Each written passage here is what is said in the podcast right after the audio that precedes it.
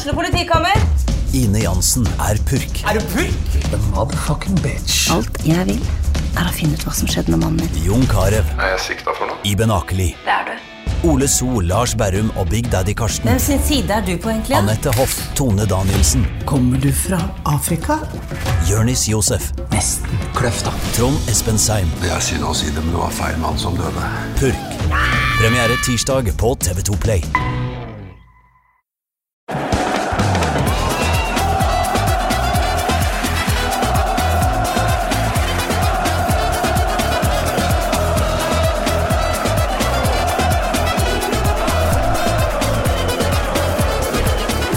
Og vi dundrer løs med en ny episode av Pyro og Pivo. Denne gangen dessverre uten Pivo i lokalet, for dette er en tørrlagt, hellig dag som skal holdes hellig. Man skal ikke gjøre en unødvendig arbeid, man skal ikke trekke inn i et studio for å snakke om fylleturen sin til Tyskland. Eller skal man kanskje det? Velkommen, turkamerater fra Berlinball eh, 2018, Nils Henrik Smith Takk. og Lars Skau. Takk, takk. Hva er Berlinball 2018, er det sikkert noen som lurer på. Um, hva er Berlinball 2018, eh, Nils Henrik? Eh, Berlinball 2018 er et eh, reisekonsept som oppsto da du i oktober eller november i fjor eh, satt og så på storkampen Duisburg mot Union Berlin eh, på Laula TV. Mm. Eh, og i etterkant av dine engasjerte oppdateringer fra den kampen, så oppsto det et felles ønske om å reise til, til Berlin, se Union-kamp og gjerne også andre fotballkamper eh, rundt omkring i Berlin. Og sånn ble det. Sånn blei det, og sånn fikk man jo møtt masse folk man eh, hadde sett på Twitter, men ikke møtt i virkeligheten, blant annet deg, Lars. Ja, stemmer det. Det, um, det balla jo liksom på seg med flere og flere folk, da. Så det, man var jo til slutt? Tolv eller noe sånt? Det vokste jo nesten ut av kontroll. Jeg tror vi var 14 eh, Med dine venner som vi møtte i Tyskland, så tror jeg vi var 14 i vår gruppe på, på Dynamo-matchen eh, lørdagen. Stemmer. I tillegg da til denne Torjus fra Trøndelag, som, som hadde funnet ut gjennom sosiale medier at vi skulle på denne matchen, og som oppsøkte oss der. Så med han og kompisen så var vi vel 16 affilierte, da. Som eh, på det meste var på fotballkamp sammen. Det verste var at det var jo kjempehyggelig. Ja, det var jo ingen Det- som klinsja. Alle gikk overens, og alle ble fulle, og alle hygga seg. Alle holder med norske fotballag som er litt erkefiender og så videre, men det var bare hygge. Var Veldig spesielt.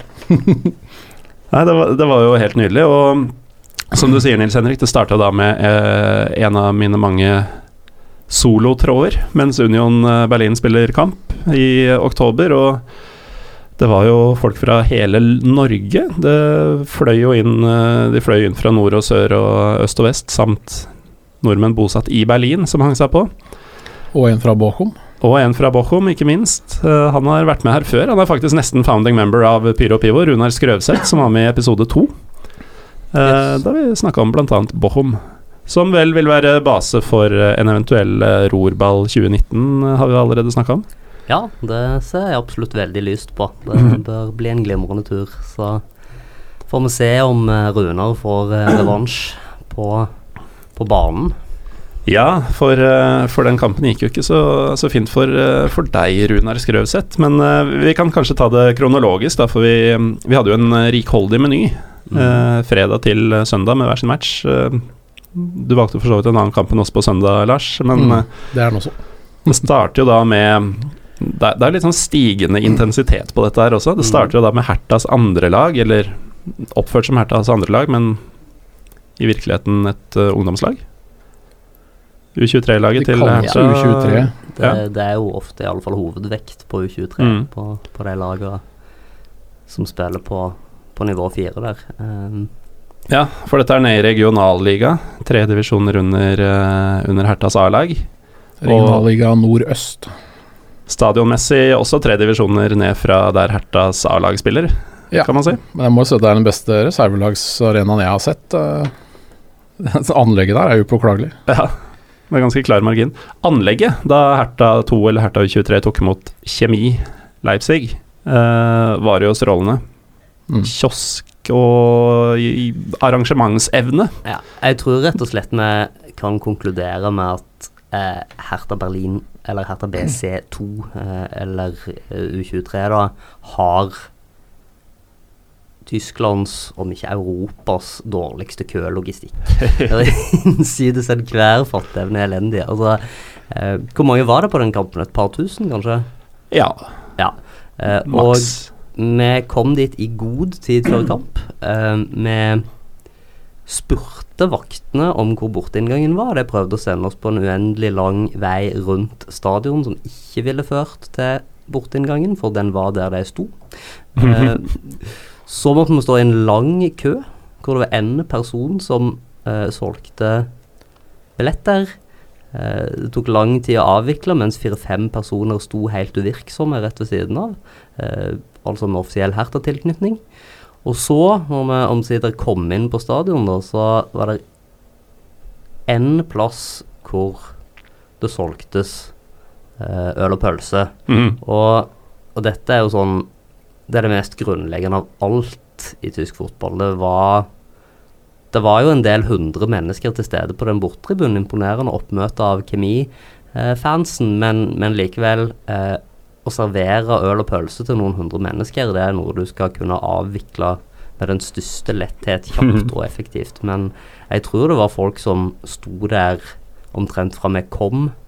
Vi kom jo inn for seint pga. voltrotet, men omtrent fra vi kom og fram til kampslutt. Det, det var jo fryktelig rar inngang, eh, både bokstavelig og billedlig talt, til kampen, eh, Lars. For vi, som Nils Henrik sier, var jo ute i god tid. Ja, vi var ute i god tid, og prøvde jo litt sånn å orientere oss på Google Maps også på forhånd. Um, så tok vi S-banen til Olympiastadion. Og, men det er jo litt rart at også da borteinngangen er foran hovedporten til sto, den store stadion. Altså mm. hvis du skal inn på noe annet, så må du gå ikke bare rundt den stadion, for den er jo låst med porter, men du må på en måte rundt hele det enorme parkanlegget. Altså det er et kjempesvært område. Mm. Men det tok jo også, altså fra innslippet, den sikkerhetsslusa, som for øvrig var mye bedre bemanna enn billettboden. Ja, alt var så rart og utysk med dette her. Det var helt latterlig. Og så var det jo det at de som hadde fått billetter, da vi fikk kjøpt, så var det vel allerede et kvarter 20 minutter ut i kampen. Uh, vi fikk jo med oss at det sto både 1-0 og 2-0 Nei, det var kanskje bare 1-0 da vi kom på plass, og så skåra de 2-0-målet idet vi gikk inn Da vi fant banen inn i denne parken. Uh, men selv folk som hadde kjøpt billetter, kjemifans, som vi trodde måtte vinne både denne og neste kamp for å ha håp om å overleve, det viste at de hadde en mm. litt mer avslappa uh, et litt mer avslappa forhold til tabellen enn vi hadde tolka før. Men de hadde ikke noe hastverk med å gå inn, de heller. De sto bare hang utafor billettkøen eh, etter å ha fått billett. Nei, De hadde ikke noe problem med å stå 50 minutter i ølkø heller. Det var liksom bare helt greit. Det var liksom norsk festivalorganisering, føler jeg. Mm. Men også den der gangen, altså det å gå fra innslippet til stadion. altså Du går ned en sånn veldig sånn flott allé med masse trær og sånt, og du, du, du bare hører fuglekvitter. Altså det er som å gå i mm. parken. For det er så langt igjen at du hører ikke stadion, selv om det står liksom 300 ultras og synger. Ja, inne på der. Kan fort ha vært flere òg. Fem-sju. Uh, det, det, var ganske bra besøkt i, i, bortesvingen. Og bra trøkk i kjemi uh, sine reisende på fjerde nivå, Nils Henrik? Ja, det var, det var, strålende. Særlig utover i kampen, når det ble stadig klarere at uh, her hadde de absolutt ikke noe håp. Og de ble De ble jo fullstendig utklasset, tapte mm. 5-0, men likevel så sto Eh, så sto uh, Ultrasen og sang helt til kampslutt, og lenge etter kampslutt. Og mange klatra på et, et, tidspunkt opp på gjerdene, sånn at det nærmest så ut til at eh, de skulle storme tribunen. Um, det var jo veldig imponerende og litt rørende å være vitne til at, uh, et, at supportere hyller et utklassa lag på den måten. Så fant vi jo, eller rettere sagt Runar fant ut etter hvert at eh, Kemi har spilt seg fram til en eh, lokal cupfinale, og at hvis de vinner denne finalen, så vil de være automatisk kvalifisert til den tyske cupens første runde neste sesong. Og mm. der har de ikke vært på en del sesonger, så det vil jo være eh, en merkedag for deg, hvis de klarer det. Og i den tyske cupen, hvis de først er med, så finnes det jo noen eh snacksy muligheter uh, til høsten, uh, Lars? Absolutt. Uh, det er lett å se for seg Altså, de har jo to ganske heavy rivaler i byen der, mm. med veldig forskjellig kultur. men For vi fikk jo litt vann i munnen av at vi skulle se kjemi i Leipzig. Uh, men det er kanskje ikke så mange lyttere som veit hva som er spesielt med kjemi i Leipzig? Altså Det er jo San Pauli-alternativet, kan du si, i Leipzig. Altså Det er venstre-alternativ. Hvis, hvis, du er fotballfan i den byen, så har du tre alternativer. Enten så må du gå på det som er RB Leipzig, som de fleste gjør, og virker fornøyd med det, dessverre. Mm. Eh, eller så kan du se det som er liksom tradisjonsklubben i Leipzig, altså Lokomotiv. Men de har et enormt naziproblem Uh, og så virkelig, virkelig ille. Det er noen av de verste supporterne i Tyskland, tror jeg. Ellers kan du se kjemi. Og det mm, Jeg som frekventerer St. Pauli-kamper, jeg kjente jo igjen de folka, kan du si. Det er den type mennesker. Du har en sånn blanding av ultras og punkere og litt sånn familier og sånt nå. Så er det liksom generelt ganske gemyttlig stemning. Det er ikke så veldig aggressivt, uh, i hvert fall ikke hvis man blir uh, altså ikke blir provosert da, på noen som helst måte. Så, da blir det aggressivt? Da kan det bli aggressivt. Og det, det derbyet, da, kan du si, mm. det er jo i samme fjerdedivisjonsavdeling. Uh, kjemi og lokomotiv. Det er jo en av de heteste derbyene i Tyskland, og det har jo kanskje egentlig ingenting med fotballen å gjøre. Altså, det er rein politikk og og ganske drøye scener når de møtes. Jeg, jeg skjønner vel for så vidt fra, altså Hvis du er ikke har lyst til å se slagsmål da, på tribunen, så er det kanskje tryggere å gå og se RB. Ja. Så, sånn sett. Uh, det må vi kunne si. Det, det, er ganske heavy. De har jo nesten måttet uh, familieorientere seg for å finne en, uh, en skare med lokale som er villig til å trykke ja, dem til, sitt, til sine bryster. Uh, men det, det, ender jo da 5-0, kjemi for grisehjuling, men, uh, men dominerer på tribunen. Uh, mm. Det var jo helt åpenbart at Herta hadde en del spillere som hadde tenkt å komme fram her i livet, mens kjemi uh, bl.a. hadde en ganske feit samurai på topp. illustrerende at nivåforskjellen selv internt i divisjonen Og dette var bare Herta var vel bare nummer fem, tror jeg. Så det var ikke sånn absolutt topplag heller. Nei, men altså, Kjemi har jo også tatt var det sånn, er det 36 poeng eller et eller annet sånt nå, i den serien. Mm. Du har et lag som har seks poeng, så jeg lurer på hvordan de ser ut. ja, det, det kan jo nesten ikke være tilfellet at Kemi alltid er så dårlig som de var i den kampen vi så, men, uh, men de var dårlige. Mm. Uh, de hadde en spiss med mage. De hadde det. Um, men litt tilbake til dette med fotballhistorie i mm. Leipzig. Så uh, jeg har forberedt et uh, lite foredrag om, uh, om klubbnavn og klubbutvikling i, i den stolte by Leipzig.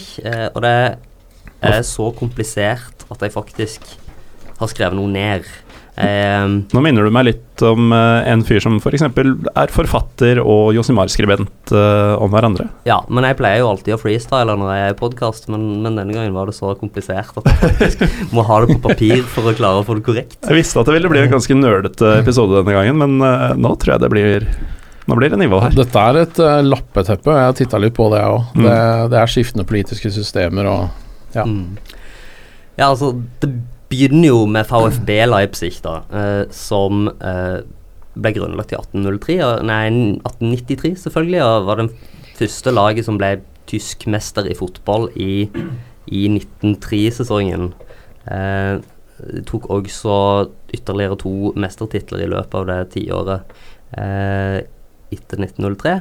Eh, men eh, etter andre verdenskrig så ble det jo gjort en omorganisering av hele fotballsystemet i Sovjetunionen, der en gikk over til at uh, de ulike klubbene var organisert gjennom, uh, gjennom bedrifter, organisasjoner, institusjoner osv., der vi jo selvfølgelig hører at kjemi uh, kommer fra kjemiindustrien og lokomotiv fra Jernbaneverket. da opphørte altså VFB å eksistere.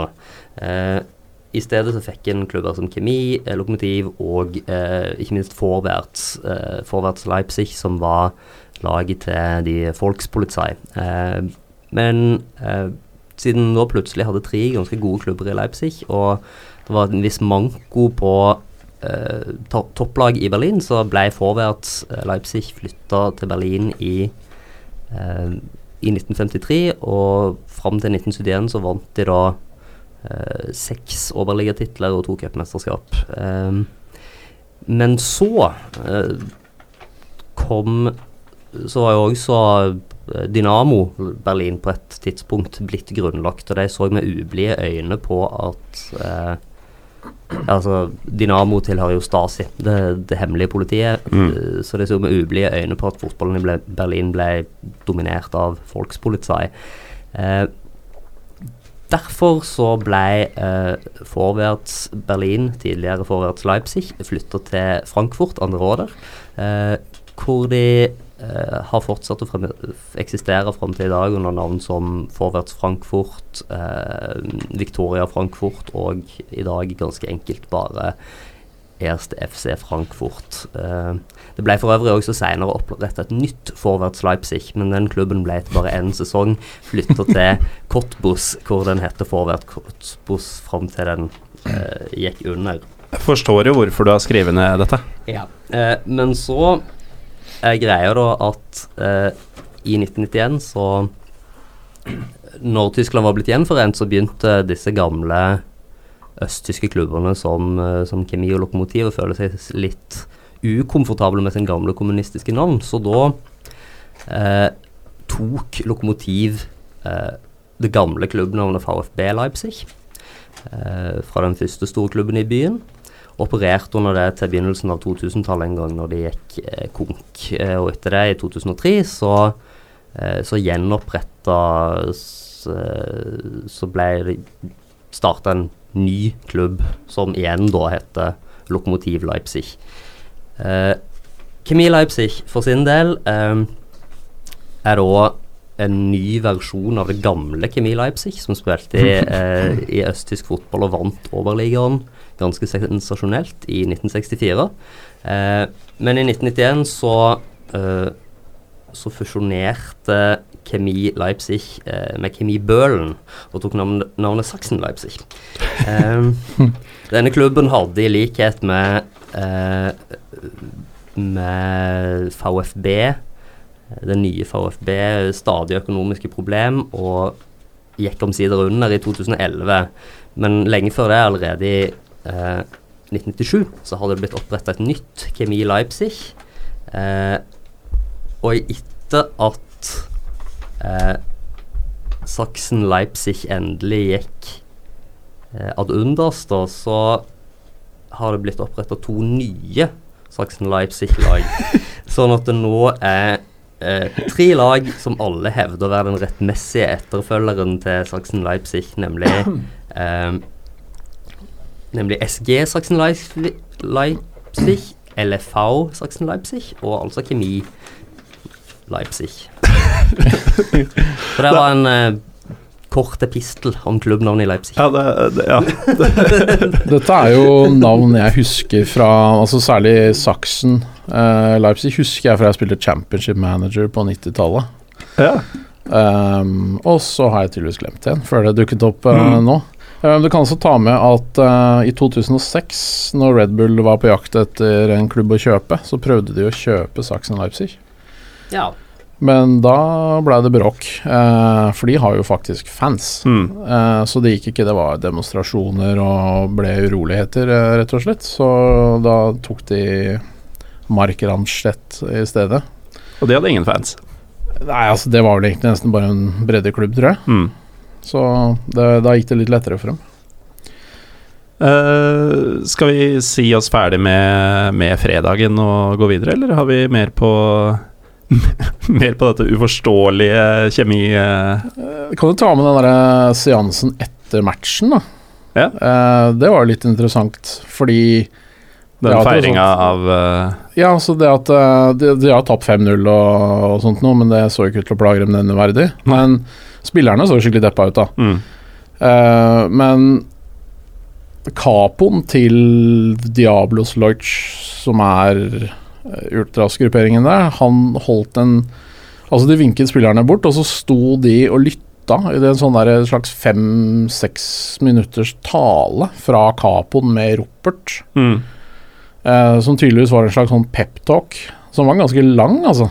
Og Den- de sto ja, veldig sånn. lydhøre og, og sånt nå, så blei det masse sånn synging og greier etterpå. Folk hoppa over gjerdet, og det var bare god stemning. Men eh, det var veldig, veldig spesielt. Jeg må innrømme at jeg fikk litt sånn softspot for uh, kjemi. Ja, du sitter jo der i St. Pauli-T-skjorta di, og dette, dette er ikke noe overraskende for oss som ser deg og har snakka med deg i noen dager. Nei, det er jo liksom min typen eh, folk, da. Mm. Ehm, jeg skal innrømme at jeg hadde jo ikke regna med det, egentlig. At, og, altså, jeg visste jo liksom om Vi visste jo alle om at den klubben var litt sånn venstre, og en del hadde litt liberale verdier og sånt noe, men det, det var det der voldsomme engasjementet Mm. uten at det var aggressivt, på en måte. At uh, folk løfter opp barna sine til å sitte på gjerdet og klappe på 5-0 mot et reservelag i Berlin på, på fredagskvelden. De har jo reist i to timer, liksom. Ja. Det er dette de har brukt fredagen sin til. Så det var veldig imponerende. Det er vel også nyopprykka til det nivået, er det ikke det, tror jeg?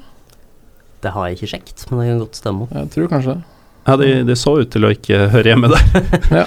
Men uh, det, det kan jo være eh, interessant for, uh, for folk som skal se seg ut litt groundhopping og sånn i fremtiden, om ikke dette lokomotiv-kjemi-derby kan være Ja. en, en skjult perle. Det kan nok være. Jeg tror billetter er svært vanskelig å få tak i. Mm. Um, stadion til Kjemi tar vel 5000 eller noe sånt nå. Men lokomotivet var ganske stort, Er det Ja, den tar nærmere 14-15, Ja. tror jeg. Men det er jo Det ser jo ut som Jordal Amfi rett før det ble revet, kan du si. Mm. Det, er, det er løs murpuss og litt sånn armeringsjern som stikker ut her og der og sånn. Men det det er sjarm, da. Eh, Sjarm, og ikke minst uh, Lokomotivet Kjemi har jo disse politiske motpolene. eh, og vi skulle jo se noe lignende dagen etter, da vi eh, fortsatt var i Berlin, naturligvis. Da vi eh, skulle på matiné. En tidlig match eh, i Prenzlauer Berg, eh, Nils Henrik. Ja, eh, Dynamo BC mot eh, mot Babelsberg 03, eh, som eh, også er virkelig politiske motpoler i eh, i eh, lokalfotballen i Berlin-Brandenburg, der eh, Babelsberg spiller jo på Karl Liebknecht stadion, oppkalt etter den uh, kjente tyske kommunist Karl Liebknecht. Uh, og har uh, veldig klare sånne venstresidesympatier. Og har, var jo involvert i en voldsom kontrovers som kun ble løst inntil nylig. Eh, fordi eh, de fikk bot etter at fansen deres hadde protestert mot at fans av Energi Cottbus hadde ropt nazislagord på Karl Lieb- Liebknecht stadion. Det er en Altså- lang historie som vi ikke får tatt hele av her. Men Nei, uh, jeg, jeg har sett Eller hørt om saken, men ikke helt forstått, tror jeg. Fordi det som har skjedd her, er altså at Babelsberg har sine supportere har eh, Jeg tror de ropte, gått ut en- mot nynazisme. ja, de ropte nazisvein mot bortesvingen, Og som det har sto heila. De fikk bøter. og så nekta de å betale den, og dermed så ble de trua med å bli kasta ut av hele regionalliga Nordost. Dette var, dette var kampen Babelsberg-Kottbos i fjor. Jeg har vært på det oppgjøret eh, tidligere, i 2015, og det er nok noe av det mest intense jeg har opplevd. Det var, da ble kampen avbrutt pga. Eh, slåssing eh, to ganger i andre omgang. 20 minutter lange avbrudd mens eh, politiet gjenoppretta orden. Eh, så det er tøft. Men også mellom eh, Babelsberg og Dynamo så, så er det en sånn eh, betent politisk konflikt, fordi du har jo den litt merkelige utviklingen i flere tidligere østblokkland der lag som var veldig sterkt assosiert med staten eh, under kommunismen, har fått en tiltrekningskraft på, på høyreekstreme krefter i etterkant. Mm. Du kan, se- kan se noe av det samme med, med Legia Warszawa i Polen, f.eks. Eh, så eh, Dynamo hadde og har åpenbart, som vi så på kampen, et problem med eh, eh, med høyreekstreme fans. da. Asbjørn Slettemark fikk jo et blinkskudd av eh, en manns eh, T-skjorte. Hva, Det var noe sånn terroropplegg, var det ikke? Styrke gjennom disiplin med Ikke dort disiplin. Ja. Ja, det var altså et, et naziband-T-skjorte der eh, var som het et eller annet med terror og sånt noe. mm. Jeg vil bare skyte inn at uh, han kompisen min som var med, han har jo jobba med um, grafisk design i Tyskland. Og de har jo en liste av forbudte symboler som de ikke får lov å trykke. Mm. Uh, og, han, og den er lengre lenger enn bare et hakekors, uh, for det er en del forbudte symboler i Tyskland. Jeg tror jeg veit hvor du vil hen nå. Han gjenkjente flere av de på tatoveringer. Eh, de gutta, altså 80% av de gutta så jo ut som gitaristen i Slayer, liksom. Med tatoveringer fra hode til tær og Ja. wraparound solbriller. Ja, det var noen knallharde typer på De kan gjøre litt skade, altså, de gutta Mhm. der. Ja.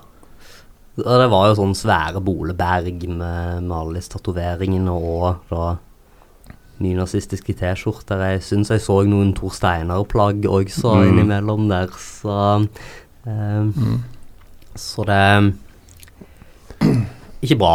Ikke bra. Ikke helt bra. Men eh, som eh, Union Berlin-fan så, så har jo jeg det inntrykket at eh, BFC Dynamo eh, må vel ha vært nærmest DDRs mest hatede klubb på, på et tidspunkt. Jeg vil påstå at Dynamo Berlin er Tysklands mest hata klubb. Eh, mulig at eh, RB Leipzig har tatt over den nå med de siste åra, men Ja. Så det er- ordentlig Det- det er dårlig stemning knytta til dem. Eh, Ja. Også utenom dette Så ufine synet til mange av supporterne. Ja, det, og det skyldes jo eh, Stasi-tida. Det, altså det som er interessant, er at det tok ganske lang tid fra, fra Dynamo ble oppretta til de klarte å oppnå en virkelig dominerende posisjon i østtysk fotball. Men, eh, men fra, fra ca. 1980 og fram til murens fall, da, så, så vant de jo samtlige seriemesterskap. Mm. Eh, mm. De vant fra 79 til 88, så vant de alle seriemesterskap. Men det er ingen før det. Nei. Men til dels så ble jo de eh, seriemesterskapene sikra under litt kontroversielle omstendigheter. Det er annet eh, en eh, historie om eh, om det som blir kalla skammens straffespark i Leipzig, som avgjorde eh, serietittelen i sesongen 1984-85. Så Hva, hva var det? Eller hva skjedde? jeg må innrømme at jeg ikke husker detaljene, men det dreier seg om at de får et absurd straffespark eh, som, eh, som avgjør Det lukta litt eh, Lukta litt av det. Ja. De har jo også fiksa kamper. Um, jeg har lest en bok om Stasi hvor um, det står en del om Altså, det var jo Stasi-sjefen Erich Mielke som han, han var jo fan av dette laget. Det var liksom hans lag. Um, så det var jo kamper som kanskje f.eks. endte uavgjort, og så står resultatet i avisen dagen etter, og så har Dynamo vunnet. Fordi det bare endrer dommerkortet i ettertid. Men jeg skjønner på en måte for Erik Mielke, han var ikke en hyggelig mann. Han var ingen hyggelig mann. Han eh, Jeg har skrevet ned litt om han her, eh, faktisk. Ja. Eh, Men han kan ikke ha vært så ille, kan han det? Nja, for å si det sånn. Han, altså, han var jo Altså, Tyskland på 30-tallet var jo veldig polarisert. Du hadde jo gjenger som var liksom fascister og kommunister, som sloss i gatene. Han utførte et politisk drap i 1931 og rømte til Sovjetunionen. Eh, og så ble han uh, bestis med Stalin. Og var med på Stalins utrenskninger og full pakke, og gikk skolen under Stalin der sånn. Og så ble han innsatt som minister for statssikkerhet i DDR i 1957. Og der satt han til 1989. Så han var ganske seig. Han Ja, det er en stund, altså. Det er en stund. Og muren sto fra 61 til 89, var det det? Stemmer. Så han har vært med på hele Ja. Og Fridrik Ludvig Jansportpark, hvor Dinamo spilte og stadig spiller, det ligger jo Eller lå helt inntil Inntil muren der i Prenzlauer Berg, så det, det ble jo liksom nærmest et fysisk symbol for alt det som, som var forhatt ved Stasi og, og ved, ved Milke. Og han, han var jo en sånn fyr som nærmest var en stat i staten. Han visste alt om alle, og det var umulig å Altså, han var den mektigste mannen i DDR. Ja. Um, En stat i staten, eller en Stasi-staten. Mm. Eh, Så de um, De hadde jo eh, Jeg vet ikke om vi kan ta historien om Lutz Eigendorf, da, for å illustrere Ja, hvor eh, drøy uh, Milke var. Ja. Fordi eh, Lutz Eigendorf han ble jo kalt Østens eh, Beckenbauer. og Kjempemidtbanetalent. Slo gjennom på 70-tallet på Dynamo. Eh, I 79 så spilte Dynamo en eh, slags sånn vennskapskamp eller noe sånt nå, i Kaiserslautern.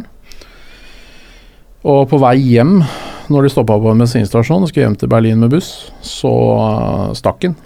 Uh, Hoppa inn i en taxi og dro tilbake til Kaiserslautern. Og uh, fikk uh, Han skrev under da for, for Lautern, og han fikk da ett års karantene av Uefa fordi han hoppet av, tydeligvis. Det er jo en smal pris uh, å betale, ja, føler jeg. det, det er litt sånn der eh, det, Jeg vet ikke om de kanskje var tvunget til det med at pga. noen sånne byråkratiske ting at han stakk av fra en kontrakt eller et eller annet sånt noe. Mm. Det er litt shitty, Ja, føler jeg. uh, men så spilte han to år for Kaiserslautern, og han var veldig sånn um, Han var jo en kritiker av det østtyske regimet, og det, det var jo enda verre. Så jeg tror det at han hoppa fra laget til Milke, og at han så begynte å kritisere dem i media der sånn, det var ganske Det tok ikke han så lett på.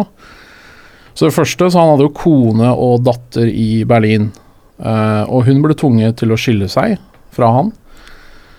Og så eh, endte hun senere med å gifte seg med en ung kjekk mann som kom inn i livet hennes, og som etter munnfalt viste seg at han var en Stasi-agent med kodenavn eh, Lotario, som er fra Don Quijote. Uh, er da en slags karakter der som er en sånn forfører av kvinner eller noe sånt noe. Så oppdraget hans var jo å forføre henne, og det lykkes han jo da med siden de giftet seg. Det er ganske brutalt. Høres ut som en TV-serie. Ja, men det var sånn. Rett og slett. Og så i 1982 så meldte han overgang til Eintracht Braunschweig, og så um, i 83 så ble han drept. Um, han var ute og kjørte i Alfa Romeoen sin, hadde vært i lystig lag, hadde vel drukket en eller to øl, men han var jo ikke noe sånn synlig berusa. Så dette var jo som 80-tallets Tyskland. Det var ikke noe vanlig å kjøre etter et par øl. Og så ble han jaga av en bil, og etter sigende blenda han lastebil i en sving. Og så dro han av veien og traff et tre. Uh, du kan se bilde av bilen hans på, på nettet. Det er Han traff ikke rett på, som du kanskje kan anta, men eh, det er et høl der hvor førersetet skulle vært, fordi trestammen traff akkurat der, kan du si. Mm. Um, så han omkom jo, og så viste obduksjonen etterpå at han hadde enorme mengder alkohol i blodet. Uh, så dette var jo et mysterium lenge, men etter muren falt, så viste det seg at det var jo en Stasi-operasjon, og at de antakeligvis har uh, brukt en sprøyte med alkohol, og så ingeniert det i han, da, for at det skal se ut som han, han har fyllekjørt. Så Milke snurt over å miste sin beste spiller til eh, Vesten. Mm. Eh, tar kontroll over familien hans og tar livet av Lutz Eigendorf. Statuere eksempel, tror jeg han ville kalt det. Det er ganske bunnsolid arbeid, da. Det skal Erik ha. Ja, han var en veldig um, grundig person. um, hvis, grundig og sånn petimeter. Altså, hvis du besøker det Stasi-museet ute i, ute i Lichtenberg, hvor de hadde hovedkvarterene sine, så kan du bl.a. se eh, sånn lite skriv til, til hans sekretær som skildrer nøyaktig hvordan frokosten skal være tilberedt, Mm. hvordan eggene skal være kokt, osv. Han skulle selvfølgelig ha nøyaktig det samme hver dag som alle psykopater. Eh, Han hadde jo fullstendig diktatortendenser. Altså Han var jo en de facto diktator, tror jeg. Jeg tror ikke uh, Honecker kunne gjøre noe særlig uten å rådføre seg med Erich Milke, f.eks. nei, eh, Milke hadde jo Honecker i lomma fordi han eh, visste ting om han som Erich ikke nødvendigvis visste, ville at resten av verden skulle vite. Så Men eh, Dynamo Babelsberg, da, forrige, forrige lørdag blir det vel. Eh, på mange måter de onde mot de gode. Vi lekte jo litt med tanken på å ta bortefeltet der òg, men endte med komfortable sitteplasser på langsida i skyggen. Ikke noe dumt valg, og derfra kunne vi bevitne en ganske overraskende kamputvikling. Ja. Eh, det, Dynamo var jo favoritter på forhånd. Eh, de ligger på andreplass langt bak Cottbus, som vinner serien, riktignok, men, uh, men som en ganske klar nummer to. Mm. Uh, Paulsberg hadde vært, vel vært i brukbar form, men uh, de ligger jo langt svakere plassert på tabellen og uh, var vel forventa med heimeseier. Mm. Men Nei, altså Det var jo norsk tredjedivisjonsnivå, føler jeg, på den kampen. Den var ganske svak. Gå-fotball? Ja, det var gå-fotball, men det Dynamo-laget, det, um, det, var dårlig. Mm. Og det Babelsberg virka skikkelig påskrudd. Altså, de tok det seriøst, men det virka som Dynamo hadde tatt ferie, da. Men kampen ja. var jo også da betydningsløs. Um, så det kan jo ha hatt noe å si, kanskje. Ja, men Det er jo rart i et uh, Altså Nå spiller jo disse klubbene mange byderber i løpet av en sesong, men uh, dette er jo et av de absolutt heteste. Ja. Uh, at du bare gir så F som Dynamo tilsynelatende gjorde. Men det gjorde jo på en måte Dynamo-tilskueren òg. Ja. Det var jo også veldig rart. De hadde jo ikke noe Det var jo ikke noe synging eller noe, det var litt sånn spredt. Altså Stort sett så satt de jo bare på setene sine og røyka mm. og slang litt meldinger, liksom. Det var veldig merkelig. Babelsberg-folka var skikkelig påskrudde. Ja, de var på, men de var jo så langt unna at uh, mm. det meste av lyden blåste jo bort, holdt jeg på å si, på veien bort til oss. Men uh, det så bra ut. Det så jo bra ut. De var forbausende få. Jeg hadde ja. trodd at langt flere skulle ta turen, men, uh, men de få som satt der i en sving, var bra. Men det er jo litt av problemet med det stadionet. Det, det er ganske åpent. Det har løpebane, og det er altfor stort til at, til at Dynamo noensinne kan håpe å fylle det, med mindre de rykker opp to divisjoner. Eh, så, så det gir jo eh, Påvirker jo atmosfæren, men, men det er også et eller annet med, med Dynamo heimefansen jeg har vært der en gang før, og da, da var det også sånn mest opptatt av å drikke øl og preike. Mm. Eh, det var jo hyggelig, da. Altså, det må ja. jeg si. Det, jeg må si at jeg, har ikke frekventert så mange nazitreff, kan du si. men, men, Likste nazitreffet jeg har vært. Ja, det er hyggelig. Men det, altså, det, det, er klart, det er jo sånn når du sier du er norsk, da, ikke sant? så er du, det er jo alltid hyggelig uansett. Da er du i varmen. Det, ja, særlig der, da. For da kan de jo fullt eh, begynne å komme med noen referanser til noen sånne band og sånt noe, som jeg kanskje ikke kjenner til. men Eh, jeg traff jo en kar f.eks. som var litt interessant. Eh, han lurte på hvor vi var fra, selvfølgelig. Vi sto i køen og skravla. Eh, han var jo fra tjukkeste Bayern, altså på landet der. Utafor et lite tettsted som heter Landshot. Og det er jo liksom Han har sikkert fem-seks timers reisevei, men han hadde jo dynamo-tatovering fra topp til tå. Og han reiste på hver hjemmekamp. Så kan man jo spørre seg liksom, er det er det den glimrende fotballen som gjør at han har dette brennende engasjementet, eller er det noe annet? Eh, det sies også at de har en forbindelse til Hells Angels, da, eh, disse folka. Det forundrer meg ikke når du sier det. Nei, for det var, det var jo Jeg så jo noe HA-greier eh, på folk der, men ikke bare det. Men eh, de har jo Altså, etter muren falt, så ble det jo De skifta også navn, sånn som Sachsen Leipzig og dette der, til FC Berlin. Mm. Og da mista de kontrollen over klubblogoen sin. De huska ikke helt på det. Uh, og via via så har den nå Rettighetene den logoen eies av noen som har, er tilknytta Hells Angels. Og de tar vel 10 tror jeg, av alle inntektene. Klubben ønsker å få tilbake den, men de gidder ikke å selge den. Nei. Hvorfor skulle de gjøre det? Så det er en eh, connection der som tydeligvis også er litt forretningsmessig. Jeg ja. tror de gutta er Dynamo-fans. Så det, det, virker på en måte litt sånn som om supporterne har tatt kontroll over klubben på en måte som kanskje ikke er helt bra, da. Nei.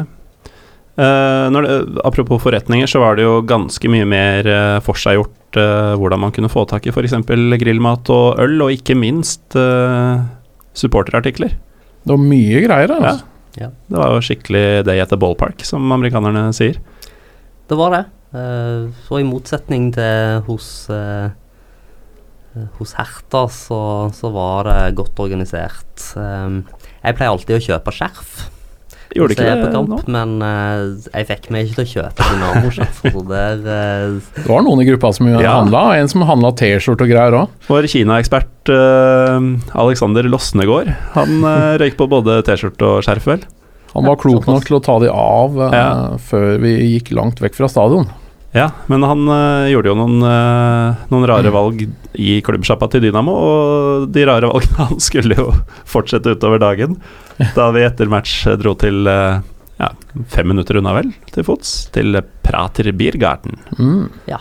Berlins eldste biergarten, eller eldste i alle fall som fremdeles eksisterer, fra 1850 og et eller annet, tror jeg.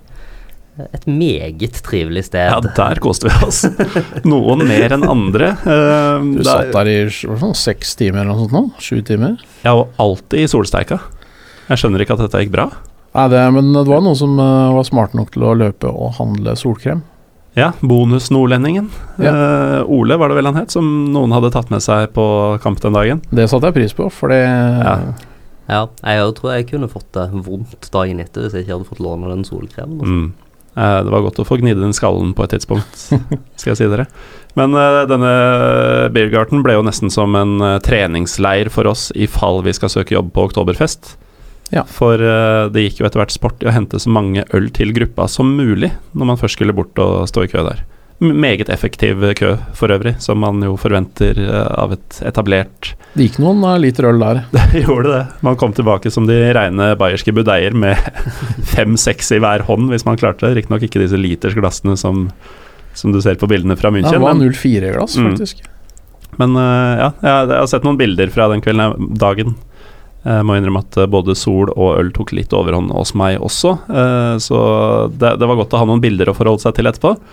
Eh, men det, det ser ut til å starte med at man kommer med sånn tre, fordi de to nærmeste ved bordet også var tomme, så tok man liksom denne runden. Og så er det noen som kommer med tre i hver hånd, og så baller det på seg.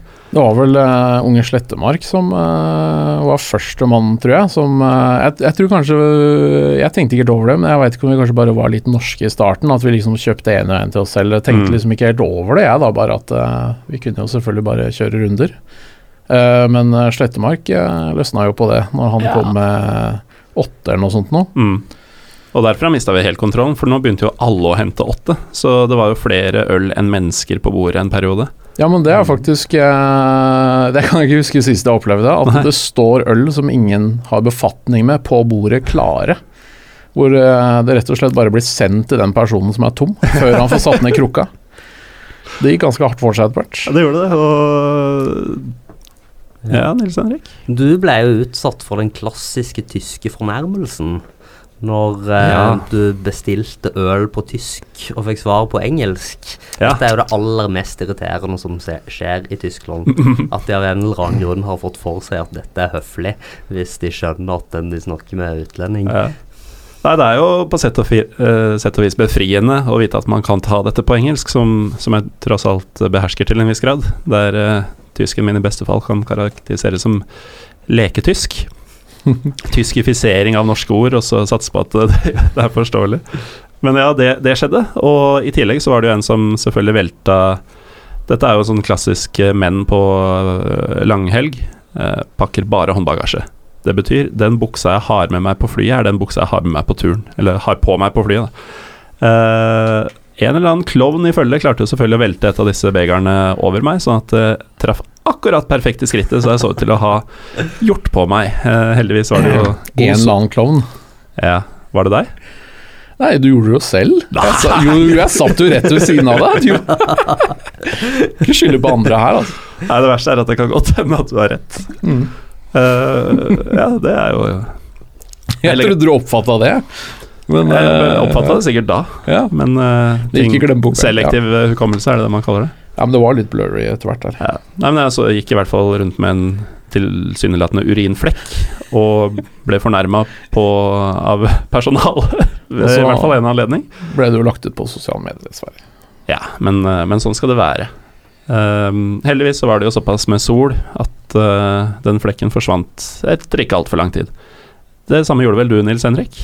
Ja, jeg eh, bestemte meg for å opptre i pakt med min fornuft og, og gå hjem på et tidspunkt. Da eh, da hadde jeg eh, fått både min dose med øl, og dessuten så hadde Runar skjenket meg eh, praktverket Der Conti, meine zwei Leben, Ja. av eh, norgesvenn Horst Tappert, som Altså boka om Horst Tappert som Derek, Ja. nærmest. Ja, den satt jeg og småleste i på, på banen hjem der, da. Eh, men så når jeg våkna eh, seinere, sånn i tretida om natta, sånn som du gjerne gjør, så, så ble jeg overbevist om at jeg hadde glemt Horst Tappert på banen. Mm, Og da ble jeg jo veldig fortvilt, for det, det ville jo både være trist å ha mista boka og veldig eh, dårlig gjort overfor Runar, som hadde tatt den med helt fra Bochum for å gi den til meg. Men så heldigvis så slo jeg nattbordslampen på og kunne konstatere at eh, Horst lå ved siden av meg i senga, og da kunne jeg sove rolig videre fram til, fram til frokosttid. Ikke noe er så betryggende som å ha Horst Tappert ved siden av deg i senga Nei. når du skal sove. Det var jo også et eh, fabelaktig eh, øyeblikk når vi hadde høytlesning fra boka i Biergarden der. Det var, eh, det var vel en del tyskere som undra litt, kanskje, på hvem den gjengen var. Men, jeg, eh, jeg eh, visste jo hva som foregikk, men undra likevel. Hva ja, er det er noe for Det er Mm. sant. Tyskere- Pluss at vi hadde noen trøndere som satt og så på det brennhete Trondheimsderbyet samtidig der også. Stemmer det. Um, ja, det var virkelig to onder for min del, men nok om det. Jeg tar Eh, litt hårstappert over Nils Henrik eh, sniker seg elegant eh, hjem med Horst Tappert. Eh, Alexander Losnegård går til grunne. Og vi andre tar kvelden med en kebab, hvis jeg ikke husker helt feil. Ja, stemmer det. På Og- Alexanderplatz. Mm. Og gjør klar til turens, i hvert fall for min del, store høydepunkt dagen etter. Ikke ditt, kan man si, Lars? Nei, altså, jeg, har jo vært på Union-match før, eh, men samtidig så Siden mitt norske lag nå faktisk har klart å skrangle seg til å få en hjemmebane etter eh, 25 år og fulgt dem, så føler jeg for å se hjemmekamper. Så da fløy jeg hjem på formiddagen og dro rett på Intility Arena, som det nå kalles. Jeg vet du setter pris på det navnet. Ja, jeg syns det er eh, strålende at, eh, at, at dere har valgt et navn med så mye sjel når dere først Ja, fikk et stadion. Så Det lokale næringslivet er fint. det. Men uh, Nils Henrik, du og jeg og mange andre, vi skulle på Union Berlin-match på søndag. Det skulle vi. Det eh, traff i hvert fall uh, Svarte til mine forventninger. Jeg veit ikke hvordan det var med deg. Uh, jo, altså jeg hadde jo en helt annen opplevelse av selve kampen enn deg, siden jeg sto sammen med Runar eh, og Asbjørn på, på Bochum bortefeltet. Ja. Eh, og eh, Runar var sjøl veldig skuffa over hva Bochum-fansen presterte. Eh, ultrasene boikotter jo eh, kampene, har gjort det siden seint i høst, så det var ikke noe koreografi eller den type ting. Men, eh, men jeg syns jo likevel det var forholdsvis imponerende at en av de omstendighetene klarte å stille med eh, med 2500 mennesker til en Mm. kamp eh, som foregår fire timers reise vekk med tog, og som strengt tatt ikke betydde noe. Det var en teoretisk mulighet for at Bochum kunne klart playoff hvis de vant, men den var veldig teoretisk. Runar Skrøvseth er ikke mindre engasjert på Bochums vegne enn at han, inntil det motsatte var bevisst, gikk for den teorien. Sånn, han var kommet for å vinne, og det, det betydde mye. Ja, det gjorde det. Han var svært lite tilfreds med det som foregikk på banen. Ja. Det, det var jo noen som var lite tilfreds. Vi kan jo prøve å ta, starte med starten, holdt jeg på å si. Ja. Vi, eh, du og jeg og Runar vi var jo tidligst i Köpenick, denne østlige bydelen som Union holder til i, Mm. eh, og tenkte at vi skulle vente på de andre på et, en kneipe eh, rett ved S-banestasjonen som het Die Hauptmann von Köpenick, tror jeg. Eh, det var ikke alle som var like fornøyd med oss der. Nei, det var nesten ingen som var fornøyd med noe som helst. Det virket det som. Det, det var Altså, Berlin er jo berømt og berykta for sitt uhøflige uh, kafé- og barpersonale, men de jentene som jobber der, uh, topper det meste jeg har opplevd andre steder. Altså, det, De hata livet, de. De hata livet. Ehm, det var nå så sin sak. De sto der eh, i varmen og, eh, og pommes frites-osen og hadde det sikkert ikke så trivelig, så eh, Og tjente sikkert minstelønn, sånn som de fleste kaféansatte gjør, men eh, Men også ellers så var det en underlig stemning der. Mm. Det, eh, Det, det var jo en dødskul plass sånn for eh, til sitt eh, bruk. Ja. Eh, masse gamle kampplakater på veggene og ordentlig sånn ja, helt tilbake til 80-tallet, faktisk. ja, inndrekk i innrøyka Mm. fotball... eh, Det var en fotballekk. Fotballpub, altså. Det var Ja, Ja, det var en fotball det var, det var en storskjerm som, som viste Ja, noe for da er det liksom litt ekstra rart hvis personalet blir sure fordi det kommer folk der, liksom. Ja, og det var jo bare folk i Union-tøy. Og de klassiske tyske supporterne, da, som man jo forventer å se. Det er mye olavester med patches på, Og det er deilig. spesielle frisyrer, capser med masse pins, mm. uh, osv. Skjerfbelte òg, eller? Uh, det så jeg faktisk ikke, men det er jo noe av det kuleste. Men du har da disse damene som eh, aggressivt, nærmest motvillig, eh, etter hvert gir deg ølen når du har bestilt. Jeg spurte jo også om å få et glass vann, eller dvs. Si Runar spurte på sitt utmerkede tysk for meg. Uh, da jeg klok av skade etter eh, fornærmelsen dagen før uh, bestemte meg for å dytte dere som kan språket litt, foran i sånne situasjoner. Eh, for jeg var tørst og dehydrert. Men eh, har dere vann? spurte Runar. Ja, sier hun. Oppfatta ikke det som et ønske om at vi ville ha vann. Det var Nei. bare en konstatering at Bare- eh, selvfølgelig har vi det. Her er ølen du ba om. Det er fantastisk. Og så var det jo et par eh, Dere spotta jo noe Et kjent språk i hjørnet da dere skulle gå og hente en runde. Ja, altså Vi, gikk i, i retning baren, og så eh, Jeg hørte det ikke da, men det er mulig Runar hørte det, men vi så uansett at eh, en fyr eh, satt og Satt i en uniondrakt med et påsydd norsk flagg. Ja, Det er jo Altså, av, av den typen landslaget har på brystet, ikke sant? Mm. Um, fint arbeid. Det så jo ut som den var en autentisk del av drakta, hvis du ikke hadde visst at den ikke var det, på en måte. Ja. Uh, men han snakka da norsk med han kompisen han satt med, og så uh, henvendte Runar seg og spurte høflig og vennlig uh, Hei, er, er det fra Norge? Er det nordmenn? Eller sånn. Og da ble de dødelig fornærma. Ja.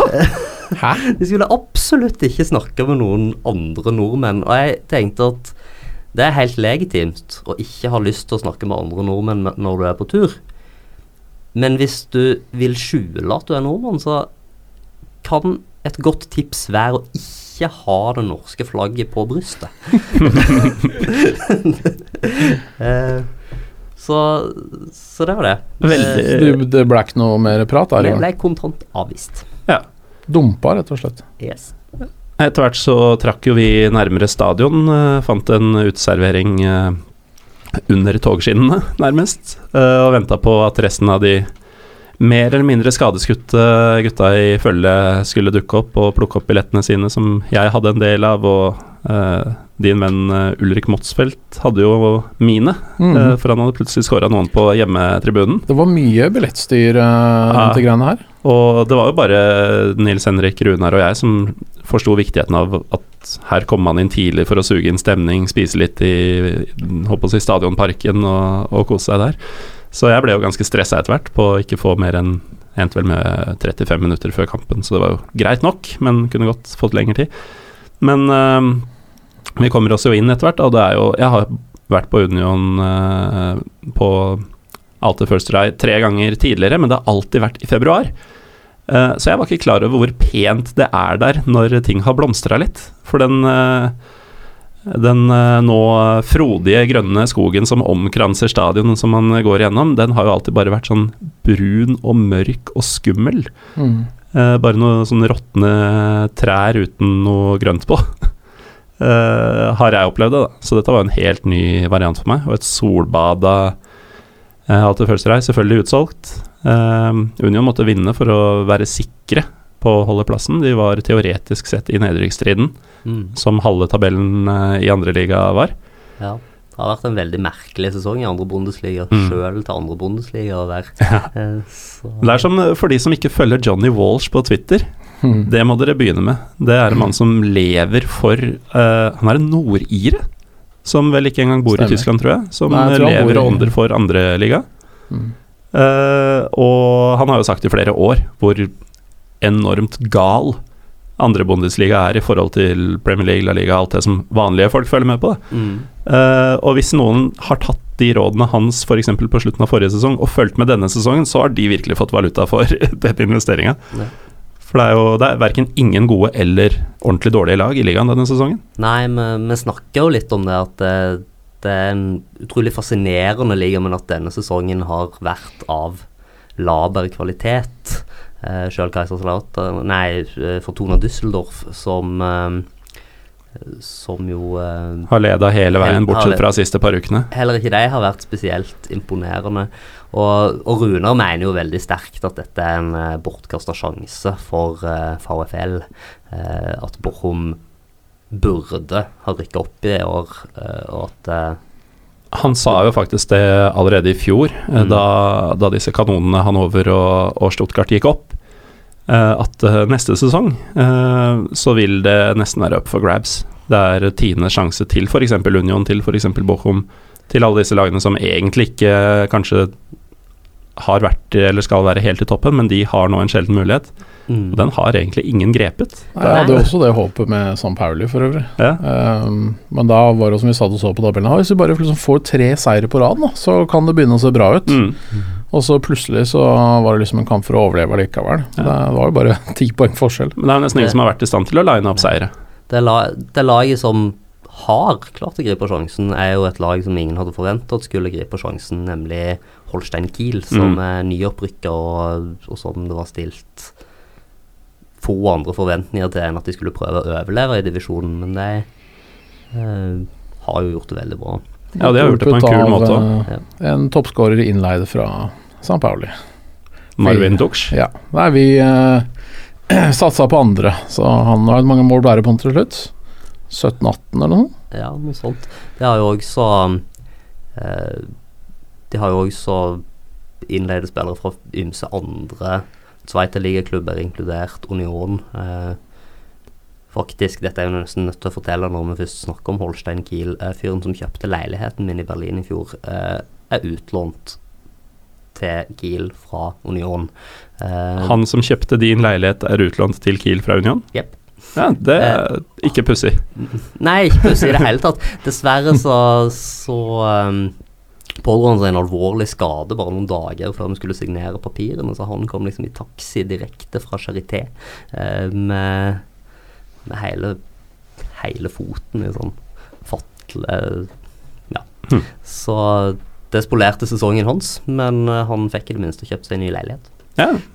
Ikke noe Altså, aldri så ille at det ikke er godt for noe. Det skal bli spennende å se hvordan det går med Kiel neste år, da. Den eh, andre sesongen, eh, kan du si. Ja, det er jo Å skulle spå neste års andreliga, det er bare å glemme. Kanskje vi kan prøve når, eh, når høsten eller seinsommeren eh, kommer, men Ja, det eh, det vil jo være fåfengt. Så får vi se hvem som blir siste laget som rykker ned òg. Det kan jo se ut som det nå blir Hamburg Derby eh, neste sesong. Ja, nå vil jo denne episoden være ute for folk eh, fredag. Eh, det vil si at eh, folk kan høre på denne episoden før svarene er eh, gitt i både første og andre liga. Jeg tror bare i, fordi de er HSV, at eh, Wolfsburg kommer til å tape mot Köln. Og Hamburg ender på denne 16.-plassen som de tross alt har skrevet kontrakt med for, for ti strake år. Uh, og da selvfølgelig klarer seg. Det skulle ikke forundre meg. Jeg håper jo at eh, den klokka nå slokkes på stadion der. Dette Bundesliga-uret som de har tikkende lett breialt fra 1963, er det ikke det? Ja, de har da vært oppe hvert eneste år siden det vi kjenner som Bundesliga ble etablert. Ja, det eneste som har spilt samtlige sesonger. Bayern har heller aldri rykka ned, men de rykka ikke opp til Bundesliga før i 1966. Det er jo en helt vanvittig vanskjøtta fotballklubb. Altså, de burde jo vært et nordlig Bayern München. Ja, Det er den klart største klubben i Nord-Tyskland. Det er jo det, og de er fra en rik by hvor det burde være masse ressurser å bruke. Mm. Ja, altså de har jo Eieren er jo han eh, Er det hva han heter? Kune, eller er det Nagel? Det er en av de to, er det ikke det? Som er, driver dette Kune Nagel transportselskapet. Det, det er jo ikke akkurat lite firma, eh, men han driver pumper inn penger, da, men det renner jo bare ut i andre enden. Ja, det er, det er ingenting som tyder, når du ser verken spillerstallen eller, eh, eller spillet på banen, på at her er det masse penger i sving. Men det er det jo Men faktum er jo at alle lidelsene HSV går gjennom, eh, er fotballgudens hevn. For hva, Nils Henrik Smith? For det som skjedde før returkampen i Uefa-cupfinalen eh, mot IFK Göteborg i 1982.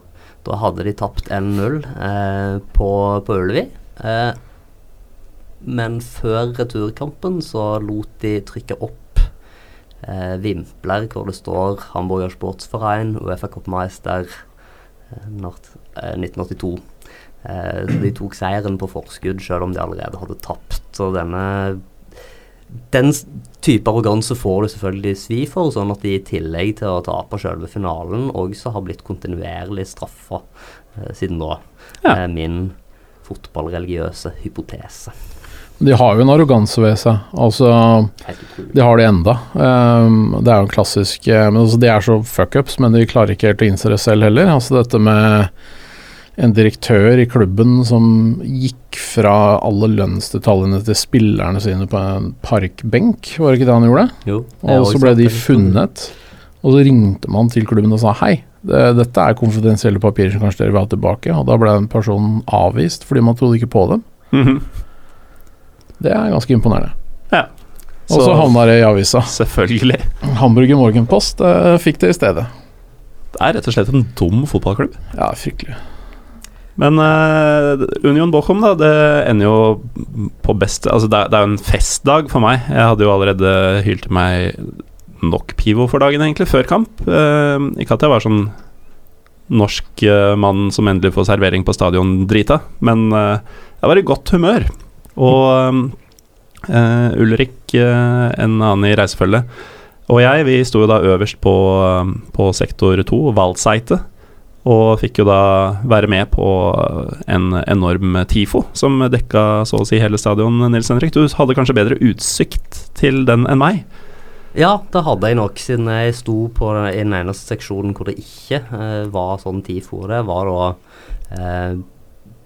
er, I år er det 50 år siden uh, Union uh, tok sin eneste virkelig store tittel, da, Mm. de, da de vant den østtyske cupen.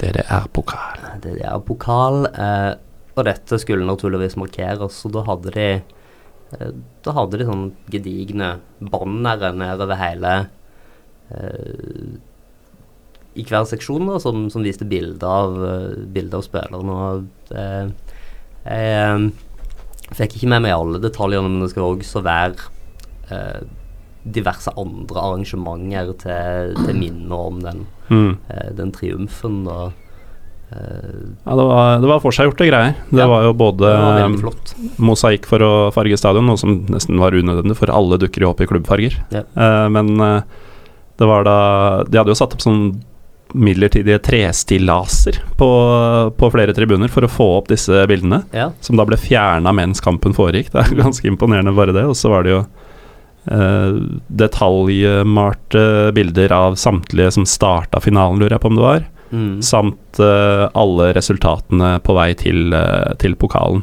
Mm. i, i den sesongen.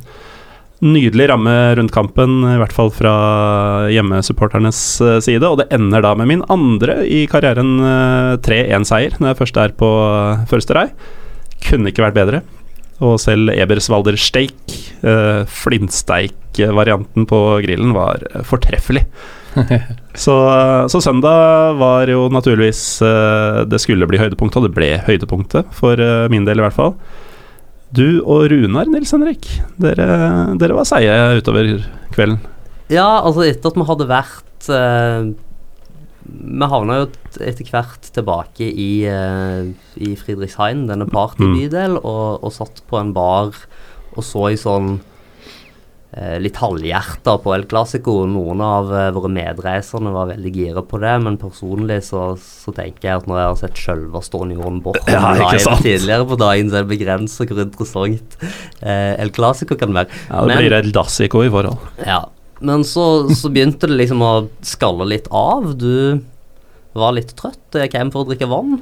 Ja. Eh, og, og så, så, så var det til slutt Rune og jeg som, eh, som satt igjen, og så, så gikk vi bortover på, på jakt etter liksom en siste runde.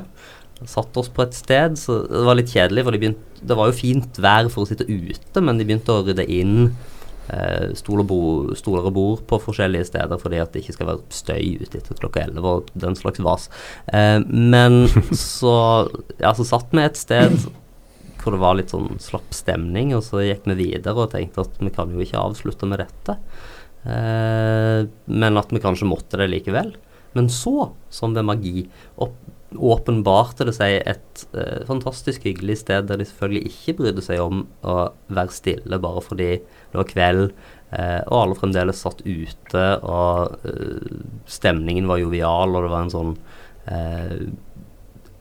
50 år gammel dame med grønt hår eh, som sprang rundt og serverte i et eventyrlig tempo og var vennlig med alle. Dette høres ut som både Berlin og ikke Berlin. Ja, eh, det var på en måte altså, Og det som skjedde som var veldig Berlin, det er at eh, vi liksom, vi satt der først og pratet med hverandre, men så eh, etter hvert gikk vi inn, og da havna vi plutselig en veldig hyggelig samtale med en eh, kvinnelig punkbassist fra Lichtenberg som varte og rakk. Sånn at jeg tror jeg var i seng i 3-3 omtrent. Uh, ja. Det høres veldig Berlin ut å ha en Samtale med en hyggelig samtale med kvinnelig punkbassist fra Ja. Lichtenberg. Det, det var Ja, altså Det er genuint. Hvis er jeg hadde genuint. skrevet om dette i en roman, så ville det vært, nærmest vært en Berlin-klisjé. Men, men dette er noe som hendte i den virkelige verden. Berlin er en fantastisk by. Det er det. Um, så jeg kan ta én kort anekdote fra når jeg bodde der, Ja. som jeg føler illustrerer litt hvordan Berlin er, da. Um, skulle på fest med en uh, kompis, så hadde vi vært på en sånn Spetkauf, som det er fullt av i Berlin. Uh, sånn liten hjørnekiosk som er oppe til alle døgnets tider og selger massevis av øl. Uh, så hadde vi kjøpt en sånn uh, halvkasse øl. Um, det er en litt sånn smal kasse med tolv øl i. Så står vi og holder den eh, mellom oss, og vi skal over et gatekryss i Kreuzberg. Og så står det et eldre ektepar ved siden av oss. Litt sånn eh, pent kledd og litt sånn snobbete. Altså, han gubben han ser på oss som, som om vi er rare. Og Det syns jeg var veldig rart, fordi det er ikke uvanlig at folk går rundt og bærer på øl i Berlin på en eh, fredagskveld. På ingen måte. Særlig ikke i Kreuzberg. Og så, så jeg titta litt sånn undrende tilbake, og så mm, står han liksom og, og så sier han noe til kona si, og så humrer hun. Og så ja, Nå må jeg liksom vite hva dette er for noe, så jeg ser litt på han. Og så akkurat idet vi skal gå, så lener han seg over oss, og så sier han Når jeg var ung, så bar vi på hele ølkasser. Det er Berlin i et nøtteskall. Eh, det var det som var rart. Dere bar på for lite øl. Ja, vi hadde bare en halv kasse. Altså ungdommen nå til dags, liksom. Hva er dette for noe fjas? Amatører. Eh, men eh, det er jo eh, litt sånn Noe vi alltid kommer tilbake til i denne podkasten, er eh, nye reisemål for folk. Og vi har jo i mange mange episoder snakka om hvor viktig det er at folk kommer seg til Tyskland for å oppleve fotball. De aller fleste som gjør det, drar jo gjerne til uh, Ruhr-området. Får med seg en kamp på Westfalen stadion og et par andre i nærmiljøet. Det er vel og bra. Men eh, Berlin er liksom ingen fotballby, tenker mange, men det er virkelig noen perler å oppdrive.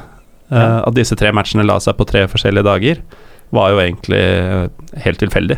Ja, det var jo veldig flaks så seint i sesongen Mm. at eh, da er det jo gjerne at mange kamper spilles uh, samtidig. Men, uh, men hvis uh, en reiser litt mer høst eller litt tidligere på våren, så kan en få med seg mye forskjellig. Altså, Mm. eh, når det gjelder absolutt toppfotball, så kan det selvfølgelig ikke måle seg med ror, men, eh, men du kan få sett eh, kamper på, på veldig mange fine arenaer. Altså F.eks. Momsen stadion, min favoritt, oppkalt etter historikeren Theodor von Momsen som fikk Nobelprisen i litteratur i 1907 eller noe sånt, og som jeg regner med at de fleste lytterne har lest.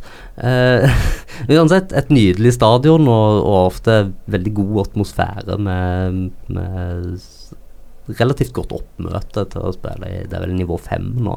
Den er på eh, min to do-liste, faktisk. Du har, ja, du har også Poststadion, eh, som er kjent for eh, Mest kjent i Norge fordi det var der Norge slo Tyskland eh, under eh, Berlin-OL i 1936. Aha.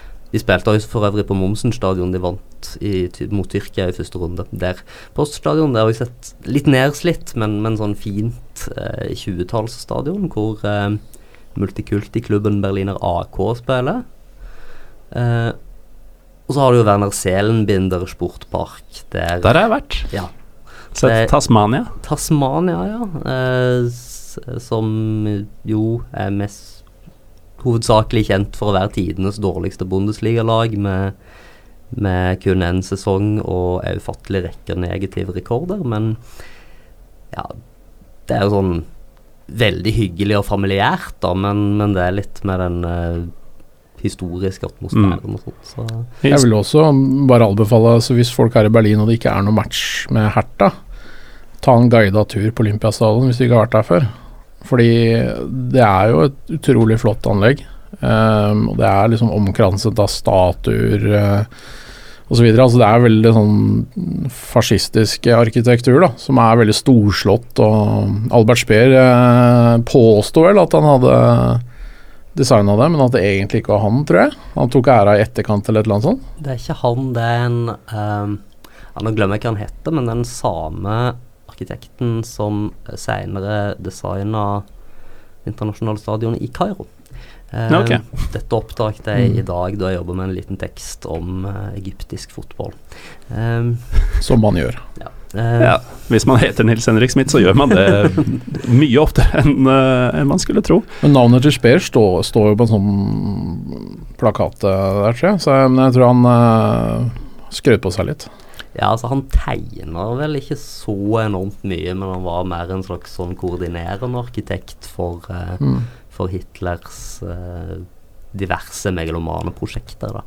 Um, ja, så glemte vi jo å nevne Karl Liebknecht stadion uh, i Babelsberg. Vi så jo Babelsberg spille borte, men, men heimekamp der ute i, i forstaden i Potsdam, det, det, er en fin opplevelse, altså. Det er kult, ja. Det er også uh, sammenleggbare lysmaster på en måte som jeg ikke har sett ja. før, hvor de knekker på midten og feller ned. Ja.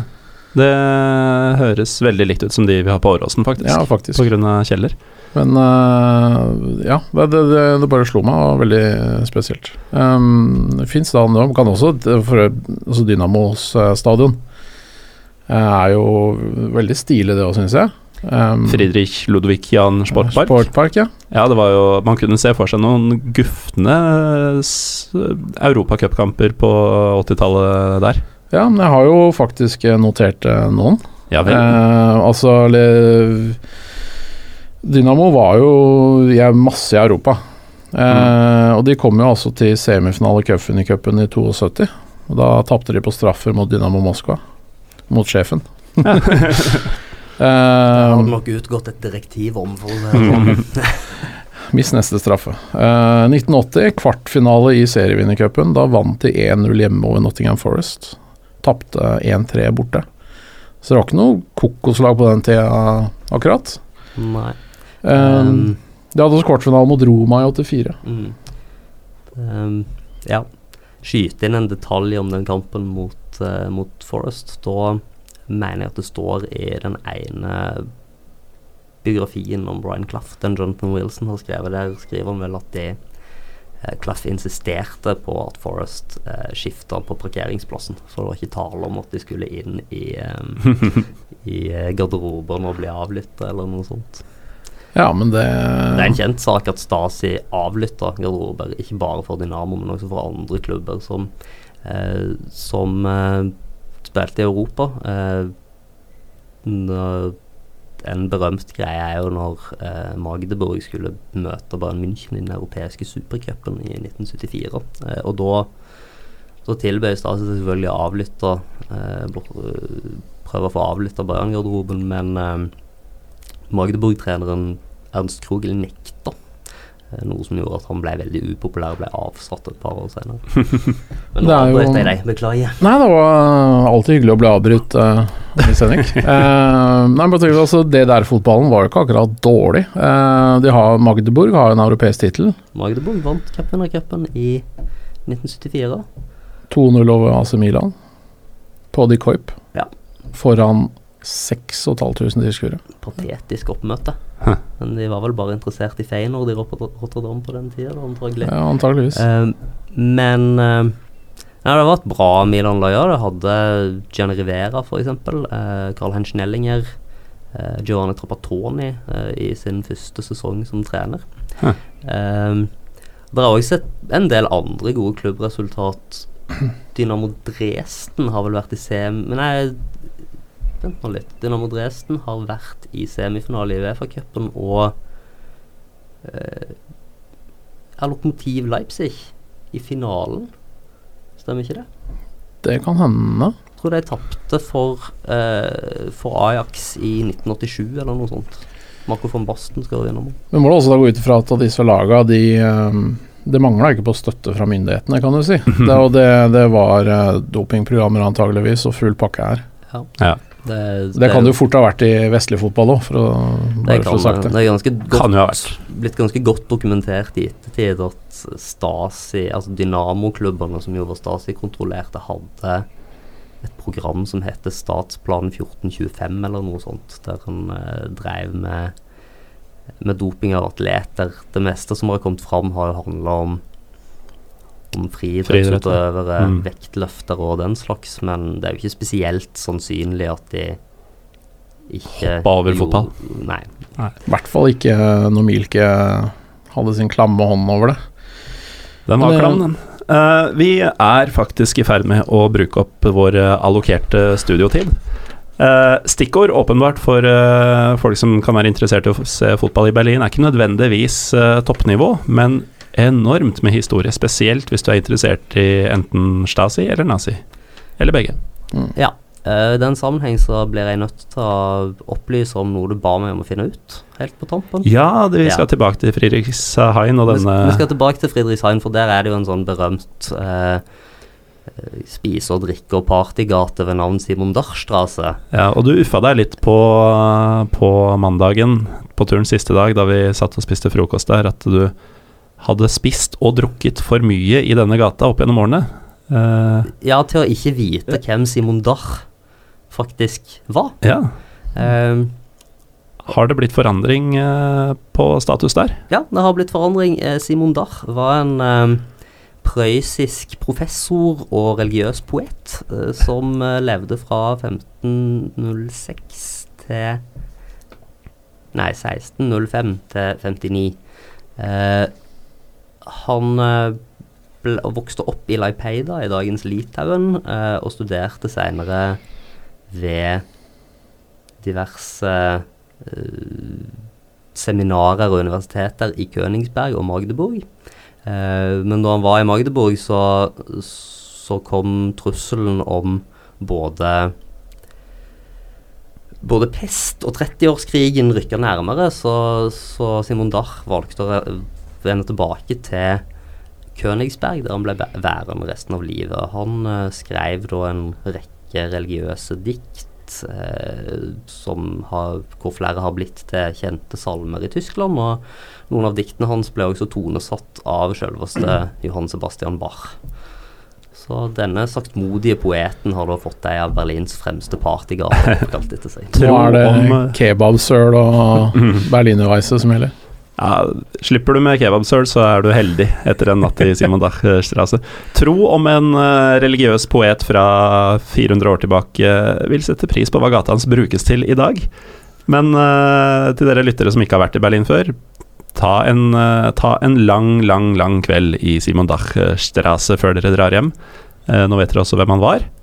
Eh, trenger ikke å bo i Berlin i hvor mange år var det, Nils Henrik, uten å vite det? Seks år. Avslutt gjerne kvelden i Simon Dorstrasse på eh, Place Clichy, hvor denne trivelige grønnhåra dama i 50-årsalderen altså regjerer. Gjør gjerne det. Takk for turen, gutter. Og, like måte. og takk for at dere kom og, og recappa den med meg her i dag. Eh, Lars Gau, du debuterer i podkastsammenheng og har gjort det med bravur. Jo, takk, takk. Eh, Nils Henrik Smith, du har jo vært med før og veit åssen dette skal gjøres, så du også Du står også til laud. Mange takk. Jeg veit ikke hvorfor jeg sier dette her nå. Eh, til dere der hjemme så heter jeg fortsatt Morten Gallosen. Vi er fortsatt Pyro Pivopod på Twitter og Instagram. Eh, følg gjerne hashtaggen eh, Berlinball2018 hvis dere vil se eh, minner og bilder og diverse av fuktige skritt, mange glass som bæres på en gang, og litt fotball. Eh, takk for at dere hører på, og auf Wiedersehen.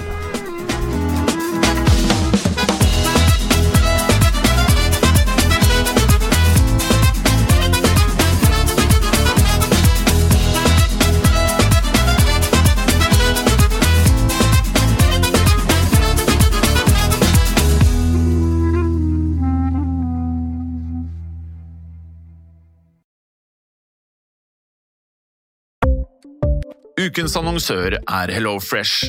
HelloFresh er verdens ledende matkasseleverandør og kan være redningen i en travel hverdag. Mange av oss har nok vandret i butikken både sultne og uten en plan for middagen, som ender med at vi går for de samme kjedelige rettene gang på gang. Middag burde være dagens høydepunkt. Som HelloFresh kan du nå velge mellom 25 ulike retter hver eneste uke, eller få HelloFresh til å sette sammen menyen for deg. Dette gir deg muligheten til å prøve nye og spennende retter alene eller sammen med familien. Du velger antall porsjoner og får alt levert på døren på et tidspunkt som passer for deg. Oppskriftene er enkle, og maten er lett å lage både for store og for små. Ved å få alt levert hjem får du også mer tid til å dele matgleden med familie og venner. Kanskje det frister med asiatiske tacos eller greskinspirert kylling? Da kan jeg anbefale deg om å gå inn på hellofresh.no. Her kan du bruke koden FOTBALL og få opptil 1779 kroner i rabatt på de første fem matkastene hvis du ikke har prøvd HelloFresh tidligere. Du kan også bruke rabatten hvis du har vært kunde og stoppet abonnementet ditt for tolv måneder siden eller lengre. Gå inn på hellofresh.no og bruk koden FOTBALL. Har du et enkeltpersonforetak eller en liten bedrift? Da er du sikkert lei av å høre meg snakke om hvor enkelt det er med kvitteringer og bilag i fiken, så vi eh, gir oss her, vi. Fordi vi liker enkelt. Fiken superenkelt regnskap.